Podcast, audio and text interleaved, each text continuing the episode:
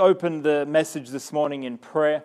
Uh, let's, let's pray together. Let's pray that God would prepare our hearts and our minds for what He wants to speak to us. Uh, more often than not, God is, uh, it's, it's more often than not, it's, it's me that needs to be prepared. It's me that needs to make sure my heart and my mind is in the right place. And uh, it's, it's not, it's not um, God's always ready, but you know, it's, it's me that make, needs to make sure that I am ready for what God wants to speak to us. So let's pray to that end this morning. God, we worship you. We praise you and we magnify you, God. You're worthy to be praised. You're worthy to be exalted. There's no one like you, Jesus. There's no one that compares or comes close to you, God. And God, as we as as we have service this morning, as people uh, tune in uh, around around Alice Springs and around the world, God. I pray that your presence would uh, sweep into their household, that your presence would saturate where they are right now, God. Whatever they may be going through, let your peace that passes all understanding uh, flow into their, into their living room, into their house, into their bedroom, God. And I pray that you would just uh, surround them with your presence, strengthen each and every person, God. And God, as we hear your word this morning, I pray that you'd prepare prepare our hearts, prepare our minds for what you want to minister to us this morning, God. We worship you and we praise you in Jesus' name. Amen. Amen. Amen. Amen. Praise God.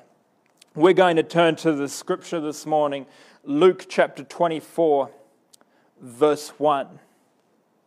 Luke chapter 24, verse 1 says, Now upon the first day of the week, very early in the morning, they came unto the sepulchre, bringing the spices which they had prepared, and certain others with them. Verse 2 And they, and they found the stone rolled away from the sepulchre, and they entered in and found not the body of, of the Lord Jesus. Verse 4 And it came to pass as they were much perplexed thereabout, behold, two, two men stood by them in shining garments. And as they were afraid and bowed down their faces to the earth, they said unto them, Why seek ye the living among the dead? Verse 6 He is not here, but is risen. Remember how he spake unto you when he, when he was yet in Galilee, saying, The Son of Man must be, must be delivered into the hands of sinful men and be crucified, and the third day rise again. And they remembered his words. Verse 9. And returning and returned from the sepulchre and told all these things unto the, unto the eleven and to all the rest. It was Mary Magdalene and Joanna and Mary, the mother of James, and other women that were with them, which told these things unto the apostles. I want to preach just for a little while this morning on this subject the differentiator. The differentiator.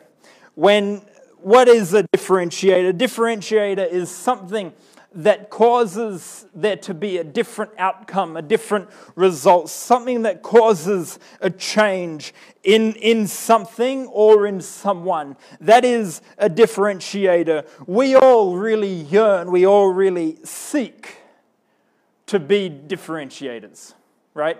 In your workplace, in, in, in life, in the kingdom of God, we want to make a difference. I want this church here in Alice Springs to make a, a difference in Alice Springs and a difference around the globe by sending out missionaries and sending out uh, preachers and ministers and disciples. That's, we will make a difference through that.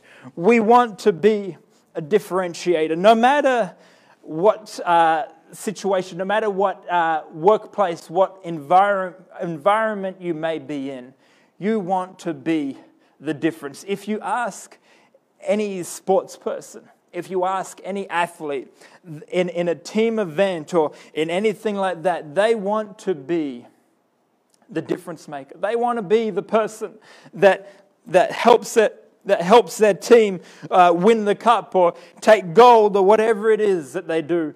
They want to be the person that makes the difference. That is their desire.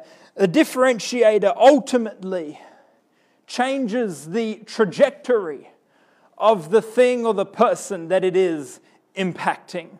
It changes the trajectory of the person that they are impacting. It changes the final destination, the final outcome of where that person is heading. And, brothers and sisters, I want it to be said that uh, when people come to this church, when people uh, hear the church online, that, that because of a message that they heard or because of the presence of God and the anointing that they, that they felt and the, and, the, and the spirit that they felt in this place. I want it to be said that we made a difference in their life and that their final outcome ended up in heaven, in eternity with God, and not anywhere else.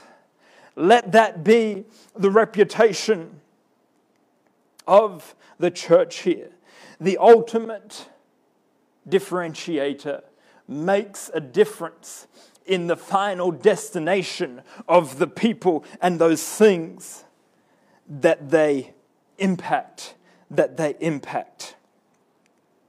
The resurrection that we are celebrating today has such a huge impact because it is the differentiator, one of the main, there are many, but it is one of the main differentiators between Christianity and every other religion or every other religion or deity out there.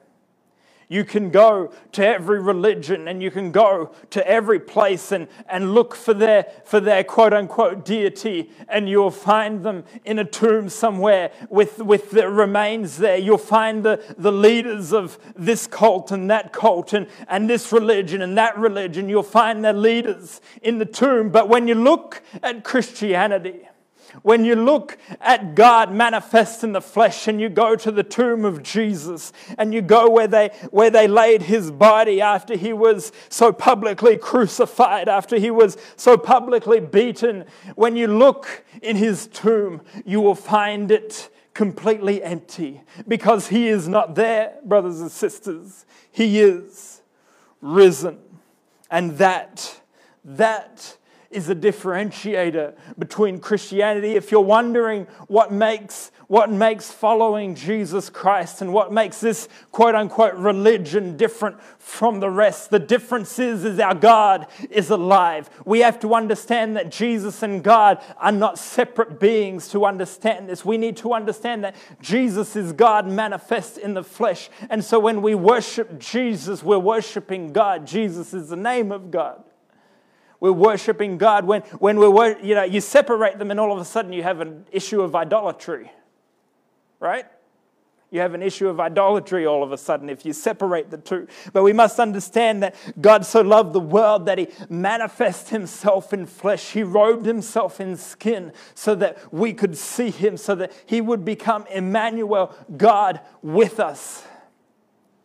And He robed Himself in flesh, died for us died for us. And so when we worship Him as our God, as our Savior, He is our God that is alive. He hears our prayers. He's touched by the feelings of our infirmities, Hebrews says. He hears our every prayer. He hears our every whisper, our every thought. He is not a God that lives distant from us. He's not a God that is apart from us, that is away from us. He's not a God that is dead and still in the tomb. But He is a God that is alive and well. And that is a difference. That is one of the big differences, among others, between Christianity and other religions. This is the resurrection, the day we celebrate the resurrection. But Jesus, we're not talking about differentiators, we're not talking about a differentiator, we are talking about today the differentiator. And Jesus is the ultimate differentiator in your life. He is the ultimate thing